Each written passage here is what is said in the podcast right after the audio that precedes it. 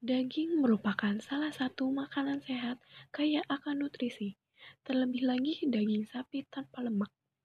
Daging jenis ini mengandung protein dan zat besi paling tinggi dibandingkan dengan daging jenis lainnya. Di samping daging, telur juga termasuk ke dalam makanan sehat. Selain tinggi protein, telur juga mengandung nutrisi lengkap, mulai dari vitamin, mineral, lemak tak jenuh, hingga zat antioksidan.